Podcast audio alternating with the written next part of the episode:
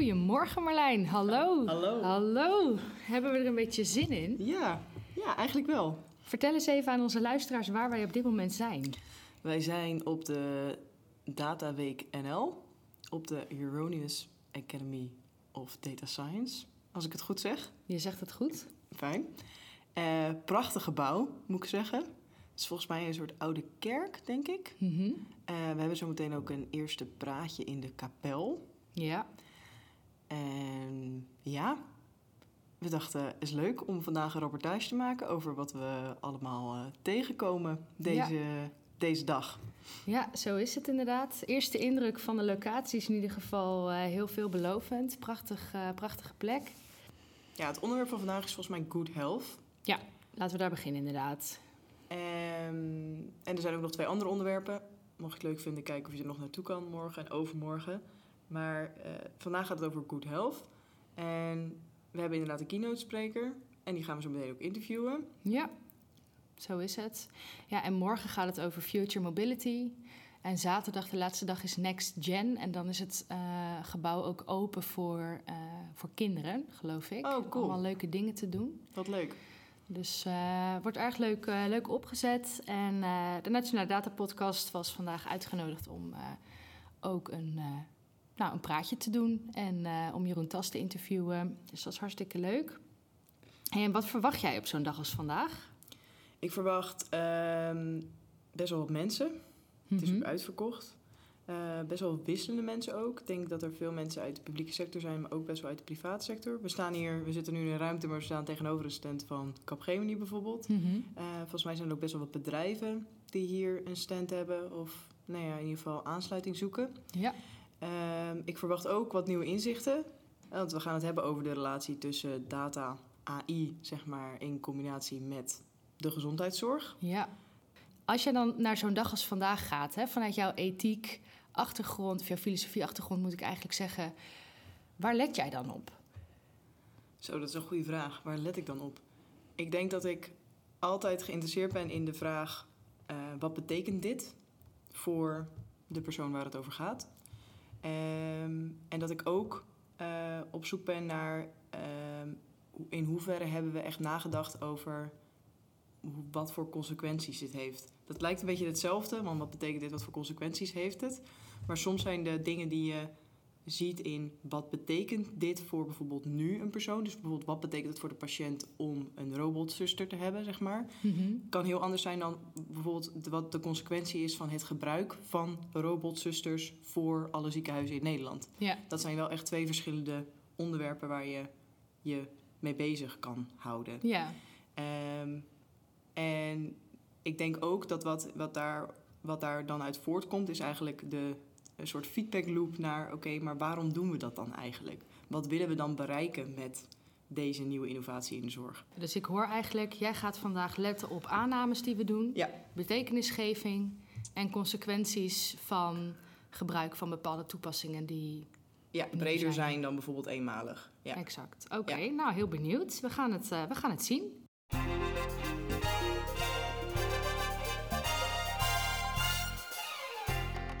Hoe draagt AI bij aan de oplossing van het schaarste probleem in de zorg?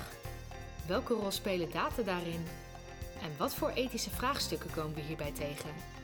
Welkom bij de Nationale Data Podcast van Verdonk, Klooster Associates, binnenkort Heiberg.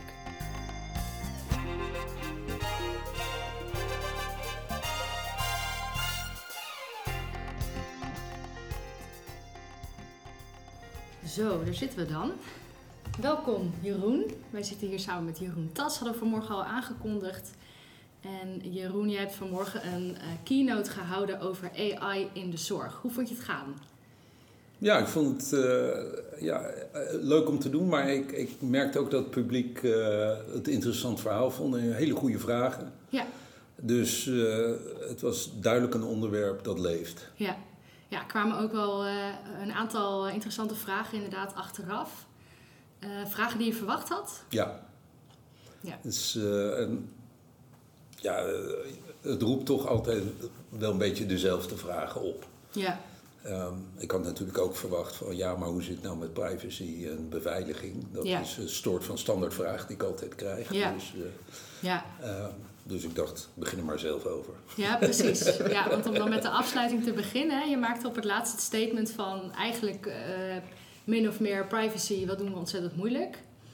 Uh, is dat ook jouw standaard antwoord als mensen daarover beginnen? Nee, dat, dat is, uh, je moet iets genuanceerder zien. Ja. Dus um, ik zeg altijd, je moet afwegingen maken. Aan, aan alles zit een risico, maar het heeft ook een impact. Dus je kan je helemaal op alle risico's gaan storten, terwijl je de enorme impact uh, even opzij stelt. Ja. Dus je moet die twee afwegen. Je moet risico, wat zijn nou de echte risico's? Uh, wat is de kans dat het gebeurt? Hmm. Uh, wat kunnen we doen als het gebeurt? Of moeten we alles dichttimmeren met regulering? Ja. Nou ja, ik ben duidelijk niet van de school van je moet alles dichttimmeren met regulering. Nee. Uh, je moet altijd die afwegingen maken. Je moet het zeker monitoren en in de gaten houden. Maar ik kom uit de financiële wereld en uh, ik heb gezien dat het, dat kan dat je superschaalbare, superveilige private systemen kan creëren. Want uh, wie, wie mij zegt dat financiële data niet private is en uh, niet, niet goed beveiligd, uh, dan vraag ik waarom doe je nou alles met je telefoon? Ja. Dus, uh, dus met andere woorden, het, het, het is ook een kwestie van vertrouwen. In hoeverre vertrouw ik degene die mijn data voor mij beheert? Ja. En als dat vertrouwen er niet is, ja, dan, dan moet je met allerlei regulering komen. Dus ik denk dat het veel belangrijker is van hoe kan ik dat vertrouwen creëren. Ja. Is dat een uniek perspectief op dit vraagstuk volgens jou? Nou, ik weet niet of het, het is een logisch perspectief zou ik willen zeggen. Ja, dat is in ieder geval zelf, uh, ook zelfvertrouwen, dus dat is mooi. Maar er zullen, er zullen heel vaak deze bezwaren wel op tafel uh, komen. Dus, ken jij medestanders die er net zo over denken als jij? Nou, er zijn wel mensen die, die beginnen van... ja, dit is het grootste probleem dat we moeten oplossen. En ik Ja. denk niet dat het het grootste probleem is dat we moeten oplossen. Ik denk dat er al heel veel oplossingen zijn die werken, schaalbaar zijn. En ik, ik kan je een voorbeeld geven. In, uh, in India wonen 1,4 miljard mensen. Iedereen heeft een digitale idee daar. Hm. En dat, dat is zowel een iris scan als fingerprints, dus je kan iedereen authenticeren. Ze, iedereen kan van die service gebruik maken, die is super veilig. Ze hebben een digitale infrastructuur voor betalingen.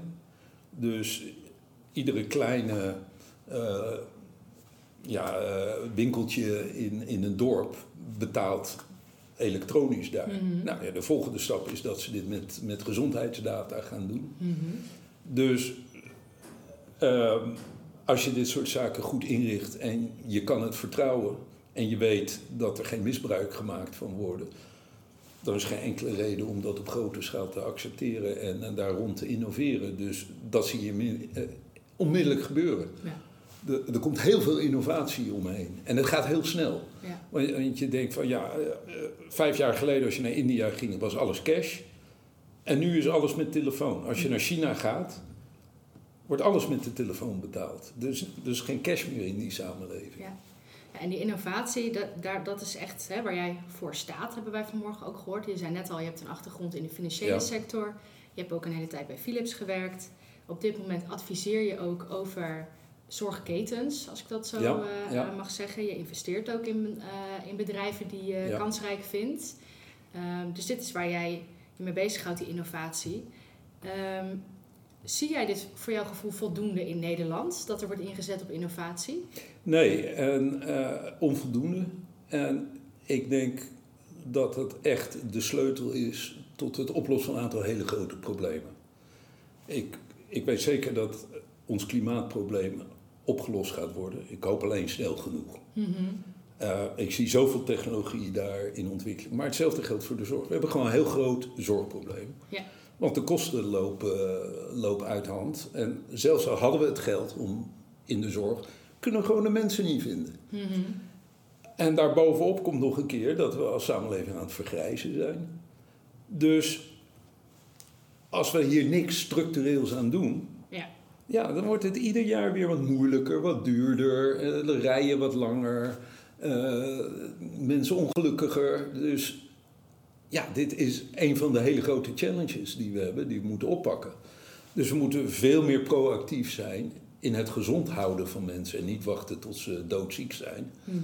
Dus je moet, je moet eigenlijk je, je kijk op het probleem anders gaan inrichten. En dan moet je gaan kijken van ja, eh, het is wel leuk dat we zoveel goede ziekenhuizen en eh, klinieken en huisartsenpraktijken hebben. Maar kunnen we de capaciteit die we hebben Ja. niet veel beter inrichten? Kunnen we niet veel meer digitaal doen? Ja. Wat is natuurlijk wel in alle andere bedrijfstakken gebeurd. Ja. Waar, waar consumers eh, de keuze hadden. En ja, ze hebben toch gekozen voor iets dat makkelijk is, dat, dat goed werkt, eh, wat ze zelf kunnen doen. Ik bedoel, als je, als je nu naar de Jumbo gaat, dan staat er een rij voor de self-service check-outs, maar niet voor waar iemand zit. Mensen willen gewoon dingen zelf doen. Mhm. Waarom hebben we dat bij de zorg nog niet zo ingericht? Ja. dus als ik even pas op de plaats maak, hè, je omschrijft eigenlijk een probleem waarbij eh, eh, er echt een grote schaarste zien aan middelen. Zorg wordt eh, eh, duurder, maar er zijn ook gewoon middelen voor nodig. Er zijn mensen voor nodig waar we tekort aan hebben. Eh, en eh, er is vergrijzing aan de gang. Eh, en je maakt nu vergelijkingen met zorg versus supermarkt. Kijk ik ook even naar eh, Marlijn. Vanuit een ethiek perspectief, is dit nou automatisch een probleem te noemen? Ja, dat vraag ik me dus een beetje af. Dat is mijn vraag eigenlijk van wat, wat is het probleem wat we oplossen als we dat gaan, als we de zorg op deze manier technologisch beter gaan inrichten? Het probleem dat we oplossen is dat eh, we mensen gezonder moeten houden. Langer gezonder moeten houden. En waarom moeten we dat? Omdat anders we enorm eh problemen in onze samenleving hebben. In, met een vergrijzende bevolking en st- eh, toenemende kosten van de zorg moet je, betekent het dus dat je steeds meer mensen nodig hebt om steeds meer mensen te ondersteunen. En dat is, als je het optelt, breekt het. Dus je moet anders naar dat probleem gaan kijken. Dus de essentie van het probleem is hoe kan ik mensen zo lang mogelijk gezond houden. Ja. En het is niet hoe kan ik mensen die ziek zijn beter maken. Dat is een ander, andere challenge, dat is een Mhm. ander vraagstuk. Dat andere middelen heeft om het op te lossen. Dus ik denk dat we sowieso de verkeerde vraag stellen. Maar dat, eh, dat, daar ga je dus, dan ga je er dus vanuit dat mensen lang doorleven. En dat dat, Daar is bewijs voor. ik dus- bedoel, dat, dat, dat, dat is niet een mening. Ik bedoel, dat, dat is een feit. Nee, dat, dat klopt. Maar mensen leven langer door. Maar de, de assumptie die daar ook onder zit, is dat het belangrijk is om zo gezond mogelijk en lang mogelijk door te Ja, leven. want ik zal je uitleggen wat het probleem is. En daar is ook bewijs voor. Mhm. Dat we misschien wel tien jaar langer leven, maar tien jaar in slechte gezondheid. Ja. Dus als je die tien jaar die je erbij krijgt in goede gezondheid kan, eh, kan maken, wat, wat ik denk dat kan, dan los je een heel groot probleem op. Want dan willen mensen ook langer werken, dan willen Ja, ze meer precies. sociaal actief zijn. Eh, dus je draagt veel meer bij tot, tot je community, tot de samenleving. Je bent mensen die een doel hebben, die een purpose hebben, die onderdeel van een, eh, een, een samenleving zijn. Die zijn ook over het algemeen gelukkiger en gezonder. Dus, dus het is ook een wisselwerking. Ja, dus wat je ziet is het probleem voor vergrijzing. Nou, er is gewoon een grote groep mensen die ouder wordt, maar die vragen wel meer zorg. Ja, En eigenlijk kunnen we niet van de jonge generatie, nou, een soort van, ik zie ons als de jonge generatie, Sarah. In dat opzicht ja kunnen wij niet, vergeleken met mij wij, wel. kunnen wij niet opdraaien voor de hoeveelheid zorg die die mensen gaan vragen. En dus is het belangrijk dat we die mensen langer gezond houden. Dat ben ik helemaal met je eens. Ja. Mijn vraag zit meer in, als ik... ehm, Oké, we hebben nu we hebben nu dat probleem van vergrijzing, maar ondertussen doen we ook heel erg ons best om mensen van boven de 80 nog steeds in leven te houden.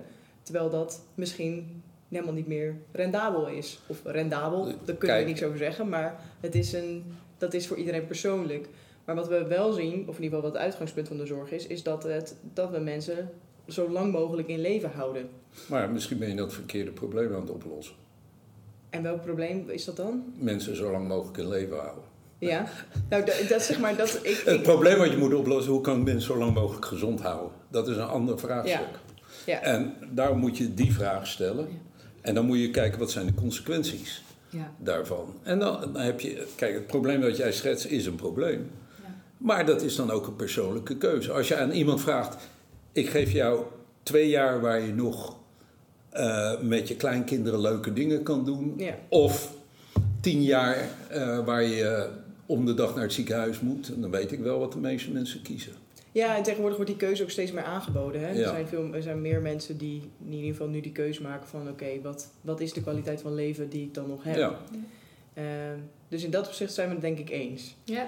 Ik denk dat de, wat er voor de rest nog, de ethische vraagstukken die daaronder zitten, zijn: oké, ik ga dan al die data gebruiken, zeg maar. Of ik, jij zegt, ik, jij gaat eigenlijk vanuit: ik wil, ik heb een persoonlijke, nou ja, een soort van eh, opslag waar ik al mijn medische data Nou, kan dat, vinden. dat is een invulling die jij eraan geeft. Maar nou ja, ik heb toegang tot mijn data Ja. en ik heb het recht om daarmee te doen wat ik wil. Ja, op het datavraagstuk komen we zo even terug. Om even, een, eh, even voor, de, hè, voor de luisteraars ook. Eigenlijk zeggen we nu met elkaar, eh, Jeroen, als ik het goed begrijp, zit je hier niet om te verkondigen dat mensen zo lang mogelijk moeten leven. Maar om Moeten mensen zelf weten. gezond, gezond mogelijk leven. Het gaat eigenlijk om de kwaliteit van leven. Dat Precies. mensen hè, Ja. kunnen deelnemen aan de maatschappij, aan de samenleving. Hoe komt dat zo dat jij zo eh, geëngageerd bent met dit onderwerp? Eh, dat is een hele goede vraag. En dat, dat komt al- allereerst bij mijn interesse in de zorg is gekomen omdat toen mijn dochter met eh, type 1 diabetes eh, gediagnosticeerd werd. En ik eigenlijk zag dat hoe slecht die zorg gecoördineerd is, hoe weinig er met data gebeurt eigenlijk. Het is allemaal episodes. Maar die episodes worden niet aan elkaar geplakt om een volledig beeld te geven. En dat is nog steeds de realiteit. Dat was toen twintig jaar geleden. Dat is eigenlijk niet structureel veranderd. Maar het tweede is dat ik eh, ook ga nadenken van ja, wat zijn de, de waarom, waarom lossen we dit probleem niet op in de zorg? Waarom zien we ieder jaar dat de kosten van de zorg sneller stijgt dan de, zeg maar de productiviteit of de, eh, het, het inkomen? En dat geldt niet voor Nederland hoor, dat geldt voor alle, alle westerse landen. Terwijl ik denk dat er op dit moment best wel genoeg capaciteit is om bijna alle medische problemen op te lossen. Het probleem is eh, super gefragmenteerd. Er wordt geen data uitgewisseld. Ehm, het verwijzingssysteem is outdated. Ehm, ik denk dat uiteindelijk 60, 70 procent van de diagnose, eh, monitoring, ehm, geautomatiseerd kan plaatsvinden. Dus je kan gewoon veel meer halen uit die data om enorme stappen in die zorg te, te zetten. Ja. En ik denk dat het allerbelangrijkste wordt om die zorg preventief te maken. Want als jij weet van, als jij, zeg maar, je zou bijna moeten zeggen van iedereen moet gewoon een genetische test doen, want dan weet je wat je risico's zijn. Ja, maar ik wil niet weten wat mijn risico's zijn. Nou ja, laat in ieder geval je arts het dan weten, want dan kan die een screening uh, een, een, monitoring uh, zeg maar plan voor jou maken, zodat je dat in de gaten houdt. En Mhm. als er wat gebeurt, ben je er dan tijdig bij.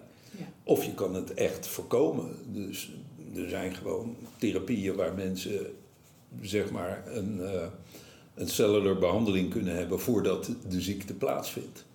Dus, uh, maar dat gebeurt niet, want Mhm. het is een passief, reactief Ja. systeem. Het is niet een proactief, preventief systeem. Terwijl we toch heel veel van die data hebben.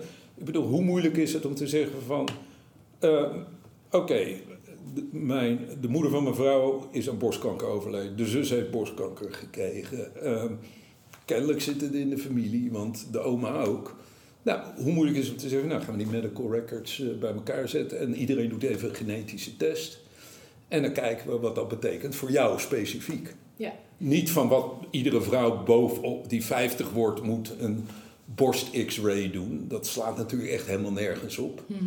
Dat, dat is helemaal niet persoonlijk of risk-based. Dat is gewoon broad brush. Oké, dat doen we en we denken dat dat werkt. Nou, ik vind het een volkomen verspilling. Mhm. Ja, dus als ik even terugpak, hè, jij eh, uh, vertelt eigenlijk dat jij toen jouw dochter ziek werd, of je erachter kwam dat zij uh, diabetes had, dat jou eigenlijk opviel dat bepaalde nou ja, systeemkenmerken in de zorg gewoon niet voldoende optimaal zijn ingericht. En met name als het gaat over hoe er met. Dat is een understatement. Dat is een understatement. Oké, nou ja, je, vindt je zei het, is niet, het, is niet, het zit gewoon niet goed in elkaar op dit moment. En uh, waar ik even wat verder op in wil, is jij. Nou, ik, ik, ik, ik zeg namelijk dat ik denk niet dat ze het echte probleem hebben onderkend en Ja. dat aan het oplossen zijn. Ja, omdat het te gefragmenteerd aangevlogen wordt. En te reactief is. Ja. En Ik wil niet zeggen dat, dat het niet enorm is verbeterd in, zeg maar, in mijn leven. Mhm. Maar ik denk dat nu de tijd is om daar heel anders over na Ja. te denken. Ja, en dan komen we echt op een, eh, een systeemverandering. Hè? En, en daar heb je het ook vanmorgen over gehad van ehm, eh, sommige dingen, eh, AI, toepassingen die we kennen, kun je niet zomaar implementeren in het zorgsysteem zoals het er nu is. Omdat het fundament wat je eigenlijk daarvoor nodig hebt op dit moment er niet ligt. Dus Nee. we moeten echt naar een hervorming. Ja, Ik ben nog even benieuwd. eh, en dat is altijd zo- moeilijk, hè? Ja, dat, dat gaat niet van de een op de andere Dat dag. gaat niet vanzelf. Maar je zei vanmorgen ook, verwijzing is outdated. Ja. Kun je daar iets meer over vertellen, wat je daarmee bedoelt? Nou, kijk, als jij. eh, Je doet een verwijzing op basis van een indicatie. Dus zeg maar, jouw hu- huisarts doet een eerste triage, als een eerste Ja, indicatie, een intake. En op basis daarvan zegt hij van, nou, ik verwijs je of ik verwijs je niet. Ja, En als hij je verwijst, doet hij dat op basis van wie die kent in dat systeem. mhm, Wat ik zeg is, die, die verwijzing zou ook op basis kunnen zijn van wie is op dit moment de beste persoon die eh, met de capaciteit en de kwaliteit om dit probleem op te lossen. mhm. En dat, is, dat kan toevallig degene waar je naar verwezen zijn. zijn. Nou, dan heb je mazzel. ja, Maar ik denk dat er een op- objectieve methode moet zijn om iemand te verwijzen. ja, want wat ik je vanmorgen ook hoorde zeggen is... eh één mens kan niet alle informatie, alle eh, meest recente studies, alle zorgprofessionals kennen. Dus eh, de, de huisarts zal gewoon niet tot een beste verwijzing kunnen Het- komen. Het is heel moeilijk ook voor een huisarts, want die krijgt dan iedere week krijgt ze weer nieuwe guidelines. Ja, En eh, ja, omdat natuurlijk steeds meer inzichten en kennis komt. ja.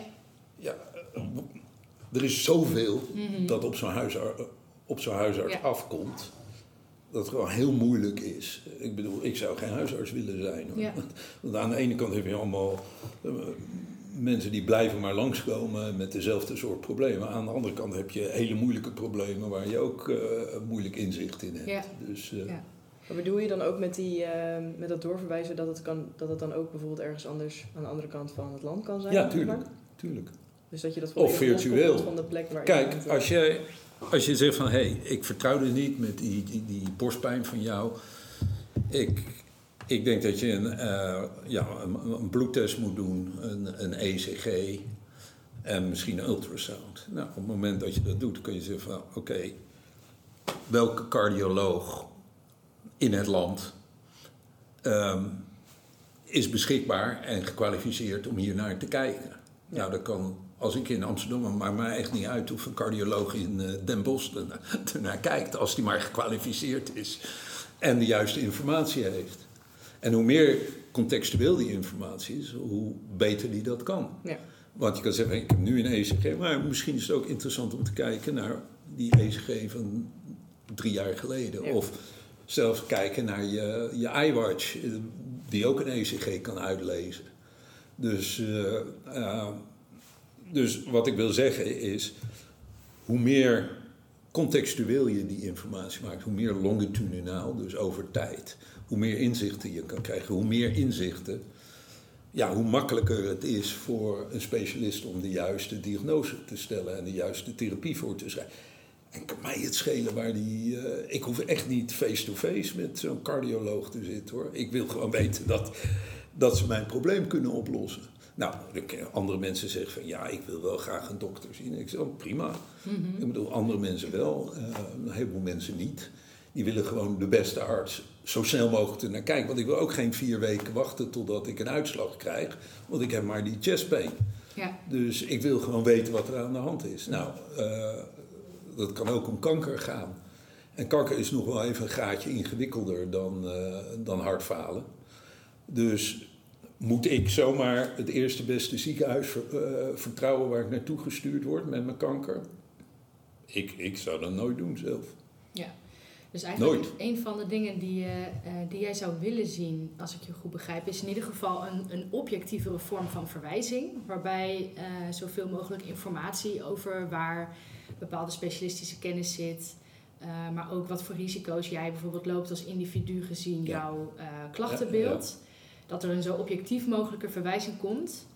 En um, ja, op dit moment hebben wij al een systeem natuurlijk. Ja. Uh, waarbij het gaat zoals het gaat. Hè? Dus op dit moment vervult de huisarts die rol. Ja. Dus hoe zou dan, wat jou betreft, uh, uh, hoe zouden we die verandering dan moeten realiseren met elkaar? Nou ja, ik kreeg een hele goede, goede vraag uit de zaal toevallig van mijn nicht. en, en, die vroeg over uitkomsten. Ja. Dus ik, ik zeg, ja, als je nou wat wil gaan reguleren, ga dan voorschrijven dat iedereen zijn uitkomsten moet publiceren. Mm En dan weet je van, als ik dit type kanker heb, dit ziekenhuis hebben ze zoveel patiënten behandeld, dit zijn de uitkomsten van die, van die behandelingen. Uh, zoveel mensen zijn uh, in remissie, zoveel mensen uh, zitten in een vervolgtraject. Ehm, eh, dus je wil gewoon weten wat de uitkomsten zijn. En daarmee heb je de beste indicatie van de kwaliteit. Ja. En dan heb je de keuze.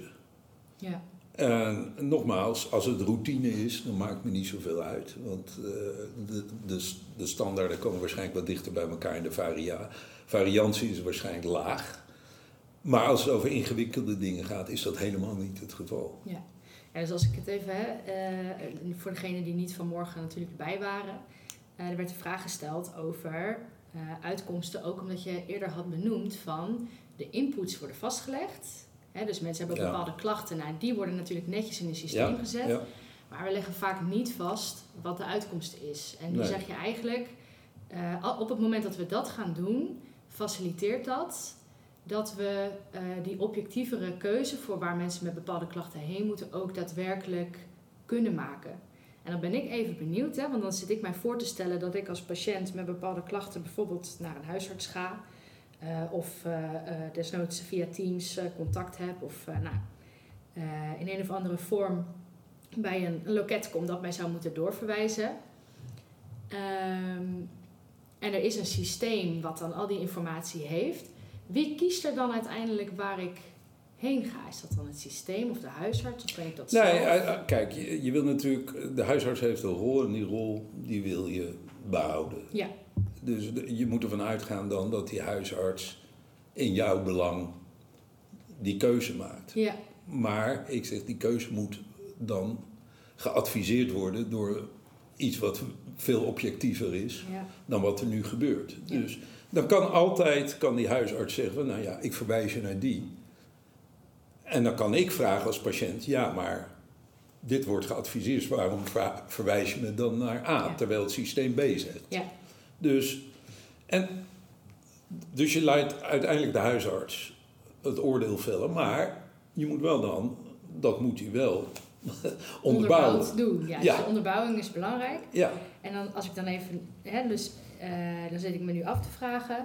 Stel nou dat uh, de beste zorg de duurdere variant is. Hè? Want in de introductie van, deze, van jouw keynote stond ja. ook: hè, is AI de oplossing voor het schaarste probleem in de zorg?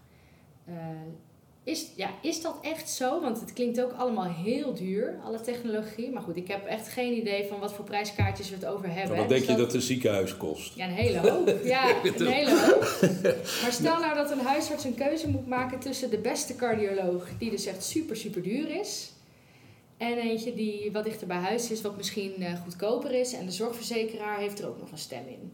Maar waarom zou de beste cardioloog duurder zijn? Omdat iedereen bij die cardioloog wil. Ja, maar zo wordt de zorg niet vergoed. Dus uh, iedere cardioloog krijgt uh, hetzelfde honorarium. Oké, dus het idee is dat, we, hè, dat er geen onderscheid gemaakt wordt in qua prijs. Dat, dat kan natuurlijk wel. En, en dat is een ethisch vraagstuk natuurlijk. Je kan zeggen, nou, iedereen heeft recht op basiszorg, maar als ik meer wil betalen, krijg ik additionele zorg. Ja. Nou, dat bestaat al. Je kan Mhm. zeggen, dat is dan misschien meer, ik krijg een kamer met, eh, waar ik zonder anderen lig. Ja. En ja, dat is een ethisch vraagstuk. Kijk, de realiteit is, als je geld hebt, dan kan je de zorg krijgen die je wil. En als het niet in Nederland kan, dan haal je het ergens anders. Dat, dat is de realiteit. Mhm. Dus je Ja. moet gaan kijken van hoe kunnen we dan dit het beste opzetten. Zodat we zo goed mogelijk iedereen eh, toegang geven tot die zorg. En ik denk niet trouwens dat het de kosten van de cardioloog is. Ik denk dat het de kosten van de behandeling is. Ja. Want eh, er komen natuurlijk therapieën die gewoon heel duur zijn, omdat ze personalized zijn. Mhm. En eh, bedoel, er zijn nu al therapieën die over een miljoen kosten. Ja. En dan kom je echt in een ethisch vraagstuk van, ja, wat gaan we nou wel en wat gaan we Ja. niet betalen? Ja, Ja. als En als je het wel zelf kan betalen, heb je dan het recht om dat te halen. Nou ja, Ja. dat, dat kan je ook niet onderscheppen. Dus het is best wel een interessant Ja. ethisch vraagstuk dit. Ja. klopt. Wat vind jij ervan, Marlijn? Eh, nou, ik denk dat dat, dat dat...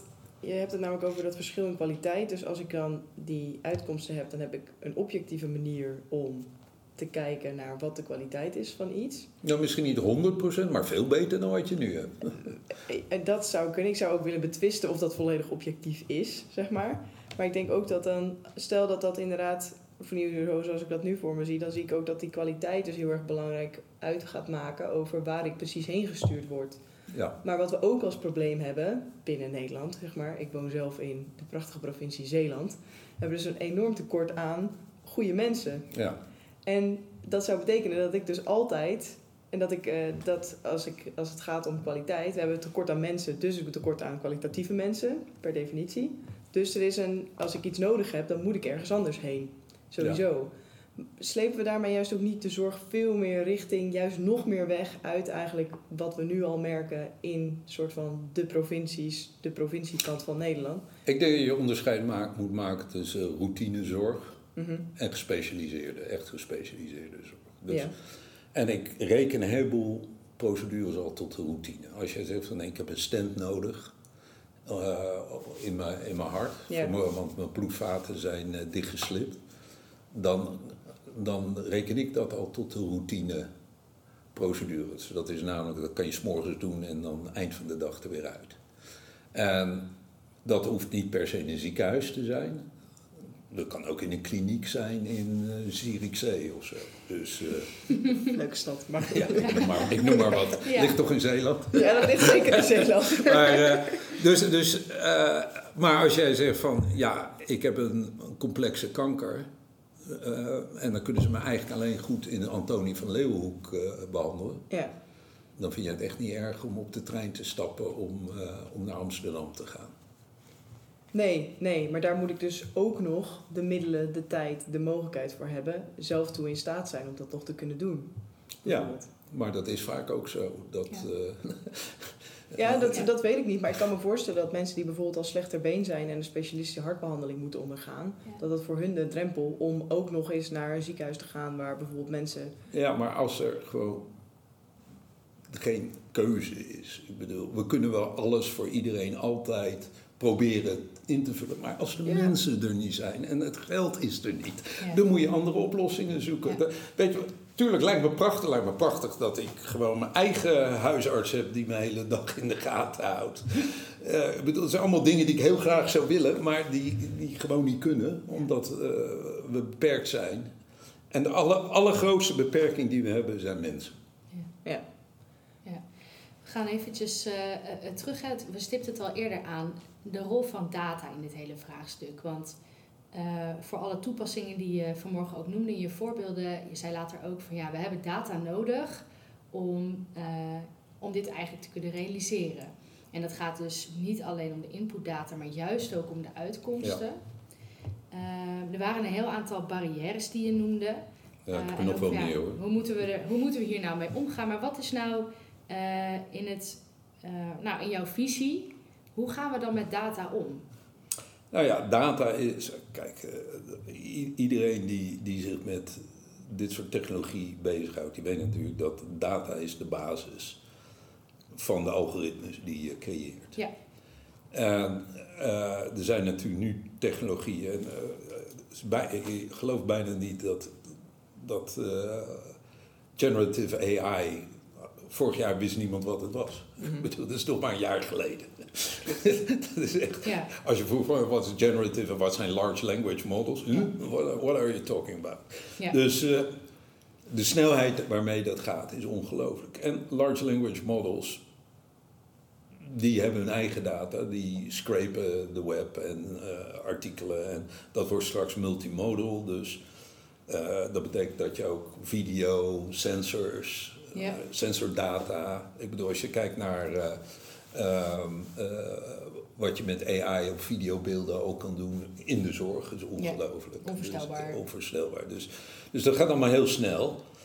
Maar ja, je hebt inderdaad wel de data nodig. Maar die data hoeft al lang niet meer super gestructureerd te zijn. Want weet je, wel, je hoeft niet precies te kijken van hoe is, zit die, die formatering, die syntax, hoe zit dat nou allemaal in elkaar.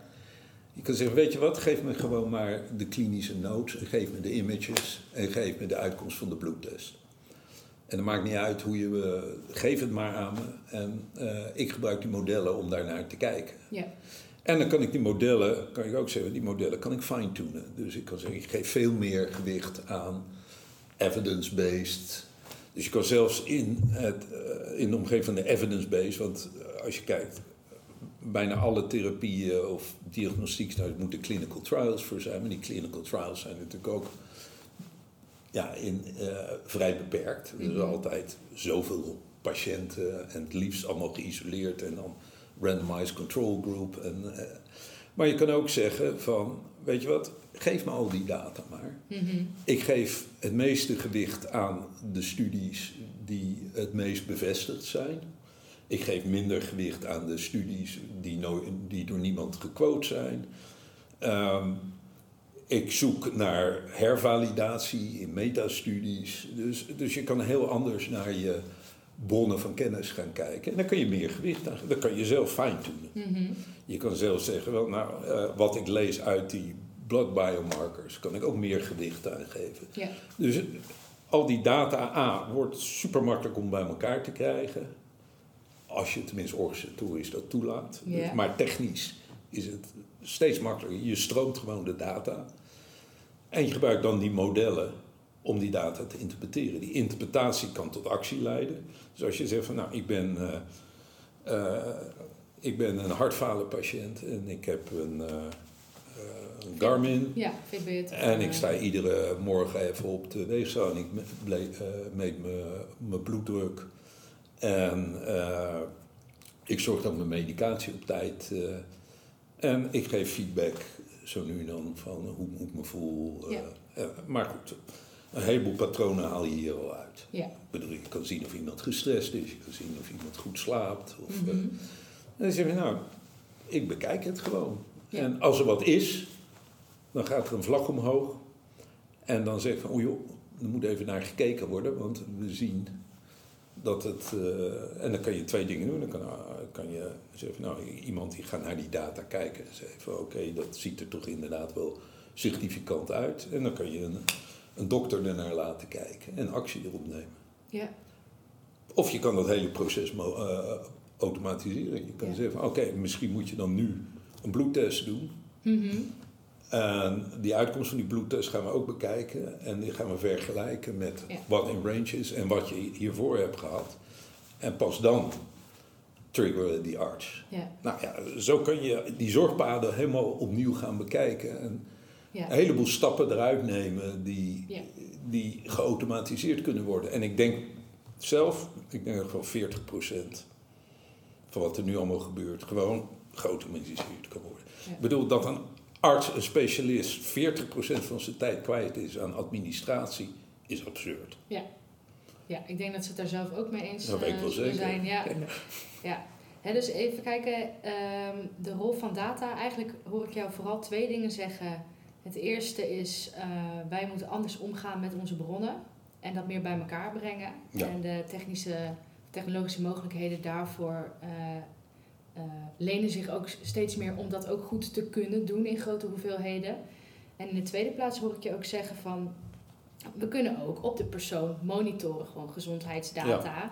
Van eh, hoe het van dag tot dag met iemand Ja. gaat. En daar kun je waarschijnlijk dan eh, preventief al veel mee Ja. afvangen wat de zorg zou ontlasten. Ja, Nu precies. wordt dat natuurlijk ook al gedaan. Hè? Mensen hebben al Garmin's en Fitbits eh, en dat soort dingen om hun eh pols. Er zijn ook van die eh, ringen met sensors Ja, ja. erin, die je hartslag meten. Er zijn van allerlei dingen.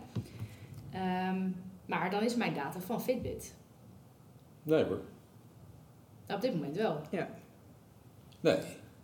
De- Die data is net zo van Fitbit als die x-ray van het ziekenhuis is. Mhm. Dat is jouw data, daar heb jij recht op. Is dat jouw mening of is dat hoe je vindt dat het nu is? Nee, dat is precies waar we de regulering duidelijkheid over moeten geven. Ja. En dat is heel erg verwarrend, Ja. want het is helemaal niet duidelijk wie nou... Ik bedoel, ik Ja. heb al honderd keer gevraagd van... Oké, die x-ray die jullie hebben gemaakt, is die nou van mij of van het ziekenhuis? Ja. Nou, dan zeggen ze allemaal van het ziekenhuis. Ik zeg, ja, maar volgens mij is die van mij. Dus eh, dat soort zaken moet je gewoon duidelijkheid over hebben. Ja. ja, dus die regulering die komt eigenlijk echt om de hoek kijken als het gaat over eigenaarschap van data. Precies. Ja. Dan kijk ik ook even naar Marlijn. Ja. Want hè, dit zo eh, eh, aanhorend. eh, eh, iedereen, eh, nou, je, je noemde eerder al een soort genetische eh, test doen. eh, elke dag data verzamelen van, eh, nou ja, gezondheidsdata verzamelen van individuen. Wat, wat, wat voor betekenis heeft dat volgens jou als we dat gaan doen? ja, dat is een goede vraag. Ik denk dat we sowieso in een meer gedataficeerde wereld al leven, waarin we constant al met onze data bezig zijn. Nog misschien wel alleen onze gezondheidsdata is nog niet zo zichtbaar voor onszelf. Dus als ik op, als ik op het internet naar mijn geschiedenis kijk, Ja. dan zie ik welke broodkruimels, zoals we dat dan noemen, ik heb Ja. achtergelaten. Maar voor mijn gezondheidsdata weet ik niet, niet. Ik weet wel dat er data gedeeld wordt in de zorg als je daar toestemming voor geeft. Dus als ik naar, verhuis naar een andere huisarts, dan kan die in ieder geval mijn hele volledige medisch dossier inzien. Dat is denk ik al een enorme vooruitgang. Maar de vraag is, is het dan belangrijk dat ik dat zelf ook weet? En wat betekent dat dan voor mij? Want de dingen die die huisarts een beetje aan het typen is, ja, die eh, zeggen mij nog helemaal niks. Nee, Dus maar heb ik dan niet een algoritme wel. Een algoritme zeg maar meer dan de data die of in Nee, algoritme Nee, een algoritme ja. zegt wel wat van die data, want dat gaf ik als voorbeeld. Ja. Ik, ik heb al mijn medische record gedownload Ja, en die heb ik gewoon in ChatGPT ge- gezet. En maar ik, wat, wat kan ik daar dan mee? nou, dat geeft je inzicht in jouw eigen gezondheid en dat kan actionable zijn. Dat kan zijn van, ik heb deze risico's, die ik kan mitigeren zelf. Of de keuze hebben om het niet of wel te doen. Eh, maar het kan ook actionable zijn voor je huisarts. Maar dat impliceert dus dat ik ook begrijp wat dat dan betekent en welke risico's eraan verbonden zitten. Ja, dus misschien, daarvoor- misschien is dat de grote, grote hulp die je van ChatGPT kan krijgen. Door te zeggen van in, in menselijke taal van dit is er wat aan, aan de hand is. Dit zijn je risico's en dit, dit is wat je kan doen om die eh, risico's te managen. En dan kan je zeggen van ja, maar eh, iedereen die rookt weet dat je niet moet roken. Ik zeg dat klopt. Dus wat je doet met iemand die rookt en die weet dat je niet moet roken en die er vanaf wil, die help je om van roken af te komen. Dus je moet beseffen dat er programma om met roken te stoppen ook vergoed moet worden. Dat dat net zo belangrijk is als een, een test doen of een diagnose. Maar dat gebeurt niet. Nee, maar dat, dat, dat ben ik met je eens. Maar waar ik mee, waar ik mee zit is dat, dat er dat de, de, nu de rol van de huisarts, even als we de rol van de huisarts hebben, dan hebben we het nog niet eens over geleverde zorg van bijvoorbeeld ouderen, zeg maar, waar dan kinderen zich mee bemoeien. Is er een soort van, je hebt een, die, die huisarts, dan zegt iedereen, ja, maar ik heb het ook nog even gegoogeld en volgens mij heb ik dit. En ChatGPT is gebaseerd op alles wat ik op Google kan vinden. Dus hoe weet ik dan dat wat ChatGPT mij vertelt, dat dat dan het juiste is? Precies. Dus dat is, Een betrouwbaarheidsvraag. dat is betrouwbaar. Dus dan zeg je van, maar nou, die betrouwbaarheid die ligt nu, in ieder geval wat mij betreft, nog bij de arts. Want die kan in ieder geval zeggen, nou, ik weet niet. Weet je ja, wel, maar als is- jij, als jij die fine-tuned models hebt, Ja. die gebaseerd zijn op evidence. ja, dus die zouden dan gebaseerd zijn echt op alleen zorgdata. Precies. Dan garandeer ik je dat het beter is dan wat de huisarts doet. Trouwens, mijn huisarts, die googelt ook dingen waar ik bij zit. Dus, eh, Oma weet raad. eh, ja. Nee, serieus. Dus, Nee, dus, eh, maar ik bedoel meer van het, het, Het- nu, het gebeurt toch. nu gebruiken van Het gebeurt ChatGPT toch. zou, zeg maar, en dat is denk ik het hele grote probleem met de large language models die gebaseerd zijn op het internet, even side note, is dat, die, is dat ze gebaseerd zijn op dingen die geweest zijn, die vastgesteld zijn in het verleden en dus geen, in wezen, niks zeggen over wat er toekomstig kan gebeuren. nou, dat is niet waar. Dan, dan, dan onderschat je het voorspellend vermogen Van? Van wat? van die large language models. En Maar dat- large dat language is, model voorspelt niet. Wel, Het maakt nieuwe tekst, maar het nee, voorspelt het mij niet. voorspelt. Het voorspelt. En eh, dat, dat, dat komt omdat uiteindelijk de patronen zoals mensen denken, zoals mensen articuleren, gevat worden in die modellen. En nogmaals, kijk, mensen gaan toch ChatGPT gaan toch googlen, dat weet je. Dus Ja. dan is je taak om een vertrouwde versie daarvan te creëren. Dat is je taak. En dat kan je gewoon doen. Dat is helemaal niet super ingewikkeld. Dat kan vandaag al. Ik bedoel, ik, ben, eh, ik zit op de board van een company die doet dat. Die werkt met NVIDIA samen om Mm. dit soort modellen te creëren. En je moet alleen beseffen dat je dit moet doen. En dan moet je in investeren en dan moet je mensen voor opleiden. En dat geef je als alternatief. Dus je kan zeggen, nou, je kan zomaar in de Wild West gaan kijken. Of je kan in deze gemodereerde omgeving, die je kan vertrouwen, kijken. Ja, Ik denk dat in ieder geval de overeenkomst hè, die, die ik wel heel duidelijk hoor, is dat eh, mensen in ieder geval, nou ja, voor lange tijd een vertrouwen gehad hebben in het oordeel van hun arts. Mhm. En dat je eigenlijk ziet dat die, eh, de verwachting van betrouwbaarheid ook verschuift naar instrumenten zoals ChatGPT en Google. Hè. Mensen gaan zelf googlen, dit zijn mijn symptomen, eh, ja. waar heb ik last van? En eigenlijk hoor ik jou ook zeggen van ja, als we kijken naar het gedrag van mensen nu, dan moeten we eigenlijk ervoor zorgen dat, ze, dat dat vertrouwen gegrond is. Dus Ja. daar moeten bronnen onder zitten die Ja. hè, een goed oordeel eigenlijk eh, eh, faciliteren. Dan ben ik even benieuwd en dan gaan we ook, we gaan ook een klein beetje richting, richting de afronding. Ehm, dit alles gezegd hebbende, bij wie ligt nou de bal? Want eh, we hebben het gehad over eh, huisartsen, zorgaanbieders, ziekenhuizen, regulering, politici, eh, zorgverzekeraars zijn voorbijgekomen, allerlei partijen. Nou, er is natuurlijk een ontzettend grotere tech-industrie die met allerlei innovaties komt. Maar bij wie ligt nou de bal om dit in goede banen te leiden en hier en dit ja, te realiseren tot het droombeeld wat we vandaag Ja. van jou meekrijgen? Nou, dat is eh, een hele goede vraag. En ik verwacht dat eerst van de overheid, die zegt van nou wij zien dit en wij gaan kijken hoe we dit in de beste banen kunnen leiden. Zowel om de grootste negatieve zaken eh, in beeld te houden, maar ook het potentieel eruit te, te halen. En we zijn bereid om daar ja, toch wel redelijk op in te zetten. En wij geven daarmee ook richting aan Bijvoorbeeld door te zeggen tegen verzekeraars, je, je moet gewoon nu met eh, uitkomstenmodellen komen. En je hoeft niet morgen met alles uitkomsten, te- maar eh, we gaan regulering doen die uitkomsten publiceert. Eh, we gaan, en dan verwacht ik ook, kijk, we hebben helemaal niet zoveel verzekeraars. Ik weet niet hoeveel in Nederland hebben, maar een paar grote. Joh, hier moet je op inzetten. Mhm. Dus je moet ook kijken hoe innoveer je als eh, verzekeraar, hoe innoveer je als zorgverlener. En dat betekent niet even een pilotje hier of daar doen. Je moet gewoon echt structureel kijken. Kijk, dus wat, wat iedere normale bedrijf doet, is. Je hebt een strategie en die strategie bedient een doel. Ja. Dus dat doel moet heel duidelijk zijn. Wat wil je bereiken? Nou ja. Ja. En dan kom je weer op, op de hamvraag. Ja. Ja. Wil je mensen zo lang mogelijk gezond houden? Of ga je ziekte behandelen? Ja. En ja, zo, je moet beginnen met dat soort vragen te beantwoorden. En zeggen, nou, dit is duidelijk het doel dat we hebben. En er zijn deze en deze redenen voor. En we gaan nu dit systeem wat incentives geven en wat guardrails geven om ons daar naartoe te brengen. Ja. Dat wil niet zeggen, ik ga alles regelen, ik ga alles in, in regeltjes vastleggen, want dan verstik je het. Ja.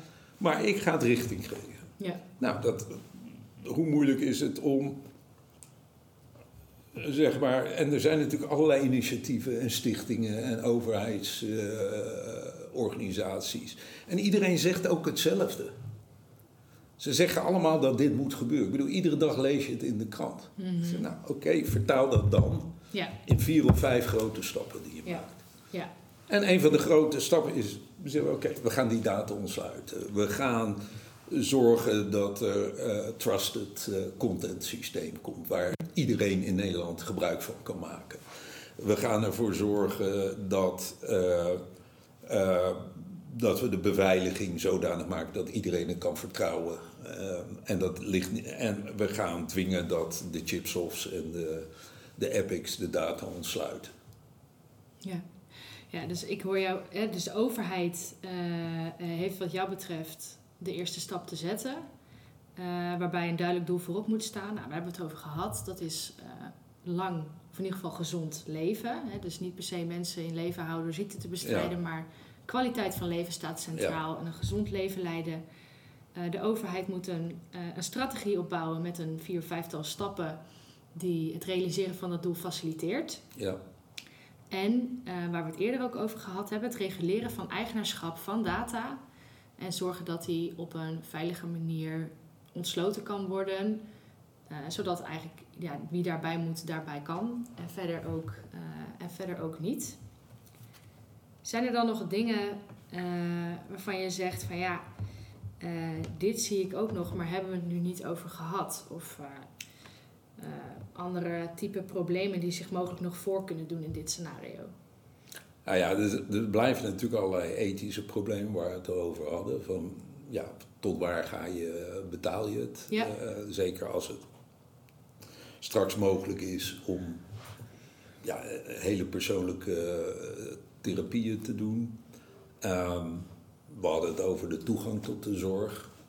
Eh, hoe zorg je ervoor dat iedereen in ieder geval toegang krijgt tot een basispakket aan, aan zorg, ongeacht waar ze wonen en wat hun omstandigheden zijn.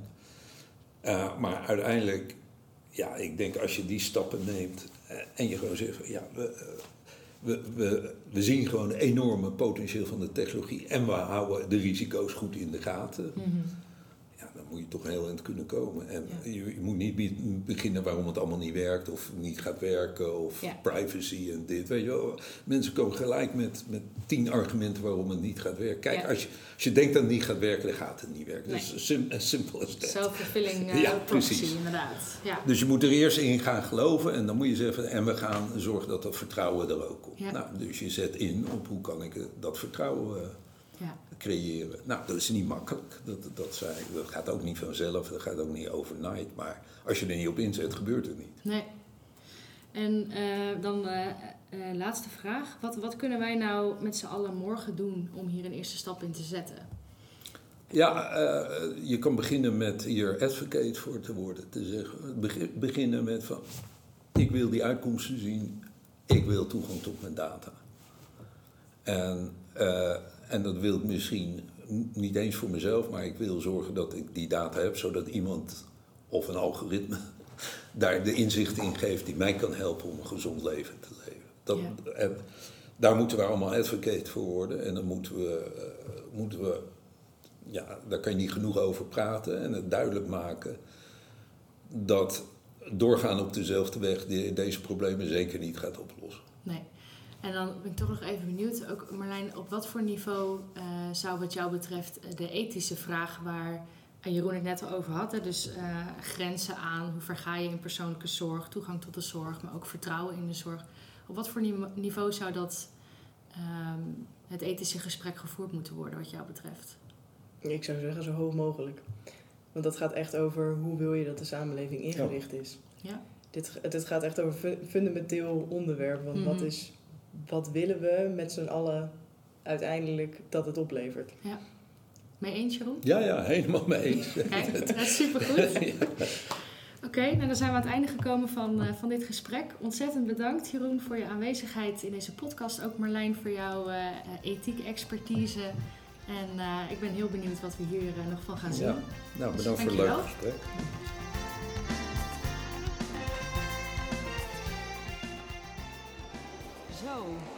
Marlijn, we hebben net een leuk gesprek gehad met Jeroen Tas over zijn keynote van vanmorgen. Daarna zijn we een beetje gaan rondlopen door het uh, Hieronymus Academy of Data Science. Prachtig mooi gebouw, uh, wat we eerder al zeiden. En op verschillende plekken hier uh, staan bedrijven met stands. Er is van alles te doen. wat valt jou op aan het publiek van vandaag? ja, best wel jong. Uh, en volgens mij ook allemaal mensen die ook echt iets in de zorg doen. Of in ieder geval daar echt wel een goede connectie mee hebben. Of heel erg met data bezig zijn. Daar bij de keynote van Jeroen ook echt hele goede vragen gesteld. Uh, dus dat is wel heel leuk om, om te zien. Omdat dat onderwerp echt zo speelt bij de mensen die hier rondlopen. Is het wat jou betreft een, uh, een aanrader om, om morgen of overmorgen nog te komen voor mensen die nog twijfelen? Zeker, zeker. Volgens mij leer je hier echt superveel dingen. En ik denk ook vooral dat je veel meer inzicht krijgt in wat er eigenlijk allemaal al gebeurt met data. Ja. En dat, vond ik, dat vind ik zelf een van de allerleukste dingen om te merken. Dat je, als je zelfs als je in het vakgebied zit, zijn er nog heel veel dingen die je nog niet weet, die, waar je nog geen zicht op hebt. Omdat Ja. je toch je meer specialiseert in een bepaald onderwerp of een bepaald domein. En hier kom je echt van alles tegen. Dus dat Ja. is echt heel leuk. Oké, nou dan eh, voor degenen die nog twijfelen, eh, ga vooral. Volgens mij zijn er ook nog kaarten voor eh, morgen en overmorgen. Toegang is gratis, maar wel even aanmelden. En hartstikke leuk dat je geluisterd hebt naar deze aflevering van de Nationale Data Podcast van Verdonken Klooster en Associates.